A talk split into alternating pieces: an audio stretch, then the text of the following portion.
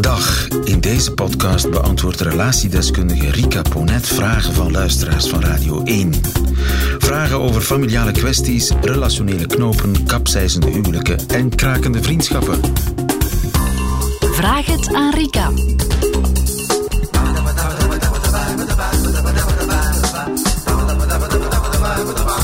Maarten schrijft: De laatste jaren zijn er meer en meer mensen in mijn omgeving in de konijnenpijp van het complotdenken gevallen. kan gebeuren. Ja. Sommigen al dieper dan anderen en dat maakt het soms moeilijk om contact te houden met sommige vrienden en familieleden. Hoe vertel je aan kinderen waarom ze hun tante al zo lang niet meer hebben gezien of waarom ze niet meer bij oom Tom en hun neefjes mogen logeren omdat je je zorgen maakt over hun waarheid? Wat doe je als kinderen iets opvangen? of soms zelfs rechtstreeks worden aangesproken over vaccins die gevaarlijk zijn, over Hollywoodsterren die kinderhersenen eten om jong te blijven. Je kunt het zo gek niet bedenken of het is wel ergens online te vinden en kinderen krijgen het ook mee. Tante Ilse wil geen contact meer met ons omdat mama bij een farmaceutisch bedrijf werkt en tante Ilse denkt dat mama meewerkt aan het installeren van een dictatuur. Dat is nu niet iets wat je tegen je zoon van negen zegt. Aan begrippen als confirmation bias en prevention paradox hebben ze natuurlijk geen boodschap. Om de vrede te bewaren wil je voorkomen dat die kleine snotneus gaat verkondigen dat oom Tom verward is als hij zijn neefjes toch tegenkomt. Bedankt om mee te denken. Ja, hoe kun je op een elegante manier aan je kinderen duidelijk maken dat het contact met onkel Tom en tante, weet ik, tante Ilse wat, wat eh, op een lager pitje staat, omdat die in de konijnenpijp van het complot denken, denken zijn gevallen? Ja. Goeie vraag. Maarten. Um, nu, ik denk als mensen in zo'n konijnenpijp zitten, um, dan helpt het uiteraard niet, dat heeft Maarten al door, om de wel eens niet eens discussies aan te gaan. Dus wat doen mensen? Ze hebben al eens ervaren aan tafels dat dat uh, eindeloos is. eindeloos is en dus stoppen ze met aan tafel te gaan met elkaar. Daar komt het op neer. Um, het zorgt voor meer verstarring, het zorgt voor afstand, onbegrip, dat tast familiebanden aan, vriendschappen. Het is eigenlijk best pijnlijk en vaak richt dat ook onherroepelijke schade aan, ook ja. in het vertrouwen in contacten. Nu, um, als je dat echt wil snappen, dan moet je eens kijken hoe dat psychologisch werkt, dat complotdenken. Eigenlijk gaat het er over dat um, Meestal gaat dat over mensen die niet zo'n heel uh, grote zelfzekerheid hebben. En uh, ervoor kiezen, hè, dat is de kleur van hun wereldbeeld, om, laat ons zeggen, fanatiek achter een vlag te lopen. Laat ons nu stellen, jij loopt achter de blauwe vlag. En je hebt dat nodig, omdat um, ja, je uh, door de complexiteit van de wereld vandaag, hè, daar ja, mogen we blauwe vlag is het antwoord op al mijn op problemen. al mijn problemen. Op al, en bovendien, dat geeft mij vertrouwen.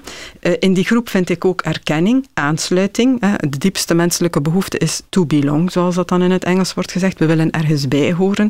En al die diepe, diepe noden, die worden eigenlijk... Is, wordt vaak onderschat als drijfveer, als drijfveer om achter zo'n vlag te lopen. Hè? Om, omdat lopen. je in een ja. groep achter die vlag loopt. Daar en gaat die, het over. Die groep biedt bescherming. Biedt bescherming, geeft identiteit. Um, en dat is een heel belangrijk antwoord op onze eerste menselijke, diep menselijke behoefte als sociaal dier. Inderdaad, ergens bij horen. En je zoekt dan ja, die gelijkdenkenden altijd op, waardoor dat denkpatroon ook al maar uh, versterkt wordt. Dat geeft je eigenwaarde, dat bevestigt je, bevestigt je in je waarde, in je denken, in je zijn. Goed, nu, maar het blijft wel familie. Ja, inderdaad. En, en een onkel um, en tante. Ja. Wat ook is, niets verbindt zo erg als dan nog een vijand te hebben. Hè. Als jij achter de blauwe vlag loopt en ik achter de rode, ja, dan geeft dat eigenlijk, uh, dat is wat polarisatie is, en wat we vandaag ook in de maatschappij heel sterk vaststellen. Het, het uh, ik-zij-denken of het wij-zij-denken, dat wordt daar, uh, die, die, identiteit die je haalt uit die groep, die wordt daardoor nog versterkt. Um, wat ik, um, ja, Maarten lijkt dan ruimdenkend te zijn, hè, op het eerste zicht, of doet, zit niet in de konijnenpijp. Daar gaat Schrijft ook goed, vanuit. vind dat, ik. Ja, Opvallend absoluut. uh, leuke ja. brief. Maar wat Maarten duidelijk wel heeft, dat is, hij heeft angst voor besmetting van het gedachtegoed van degene die, als hij onder de rode vlag loopt, van degene die onder die blauwe vlag lopen. En eigenlijk is dat nergens voor nodig. Het is het idee van ik moet mijn kinderen beschermen voor hun soort van denken. Dan heb je in, in principe heel weinig vertrouwen in datgene wat jij jouw kinderen meegeeft.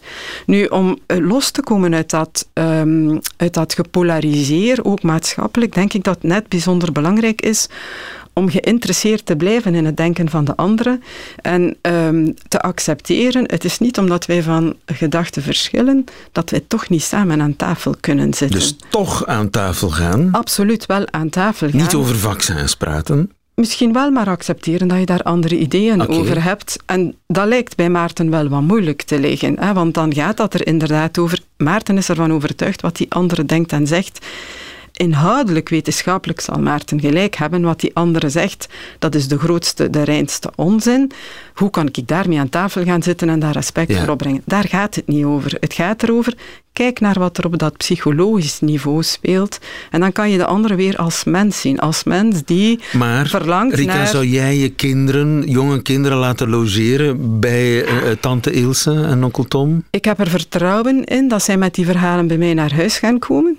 En dat we daar kunnen over praten. En dat net door geconfronteerd te worden met andere gedachtegoeden, je eigenlijk leert van je eigen okay. ideeën vorm te geven en van genuanceerd te zijn. Ik heb het meegemaakt. Een van mijn, ja, mijn, mijn twee dochters, jaren geleden, zaten nog in het lager, hadden op school um, Darwin gekregen waar komt de mens vandaan en hoe heeft de mens zich ontplooid. En dat wij dus eigenlijk ja, een tak zijn in de apen, of bij de, tussen de apen.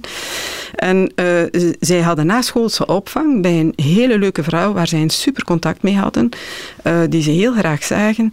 En het, uh, maar dat was een moslima, ehm, niet een maar, dat was een moslima. En zij vertelden dus dat ze dat op school hadden gezien, dat ze dat moesten studeren voor de toetsdag erna. En die vrouw begon van, ik geloof daar niets van. Dat was een, die geloofde in het creationisme. De, God heeft de wereld geschapen zoals hij eruit ziet. En daar kwamen ze dan mee thuis? Ja, nee, daar ontspond zich een hele discussie. Uh, zei, maar dat kan niet mevrouw, en we hebben dat in de klas gezien en de juffrouw heeft dat, en dan hadden ze het zelfs voorgedaan, en je kent dat wel, hè, zo eerst op handen en voeten en dan gaat de mensen rechtop lopen. Ik zag ze het zo doen, en ze waren zeven toen. Uh, nee, uh, ja, en dat staat in wetenschappelijke werken hadden ze, dus ze hadden eigenlijk al de, al, al de argumenten die ze, ha, die ze hadden naar voren geschoven en met haar in discussie gegaan. En zij bleef bij haar standpunt. Ze kwamen daarmee naar huis, ze vertelden dat, mama, ja, maar dat klopt dan toch wat wij in de les hebben gezien? En ik zei, ja, natuurlijk klopt dat. Je mag daar gerust vertrouwen in hebben. Um, maar ja, vanuit haar gedachtegoed is dat nu eenmaal zo, maar dat doet geen afbreuk aan wie zij is als mens. Zij tot op vandaag vinden ze dat een fantastische vrouw, hebben ze daar altijd een heel fijn... Dus het menselijke, die menselijke waarde, ja, die bleef, die was er. Alleen, op dat punt verschilden wij van mening. Juist, ja. Um, en daar, gaat dat over. Probeer er vertrouwen in te hebben. Ja, wat jij jouw kinderen meegeeft en het denkkader dat je aanreikt. En vooral de discussies die je hebt over zo'n dingen. Um, dat dat altijd het krachtigste zal zijn in het wegblijven van dat gepolariseer. En dat vind ik een hele belangrijke boodschap Just. vandaag. Maar uh, uh, hij vraagt nog iets anders, Maarten. Namelijk, uh, hoe vertel ik dat? En hoe vermijd ik dat zij ja, termen als wappie, dat schrijft hij nu niet, maar dat, dat verward, hè, oom Tom is een beetje ja. verward, dat hij dat niet tegen, tegen zijn neefjes zegt, de ja. kinderen van oom Tom. door zelf niet te zeggen dat Tom verward is.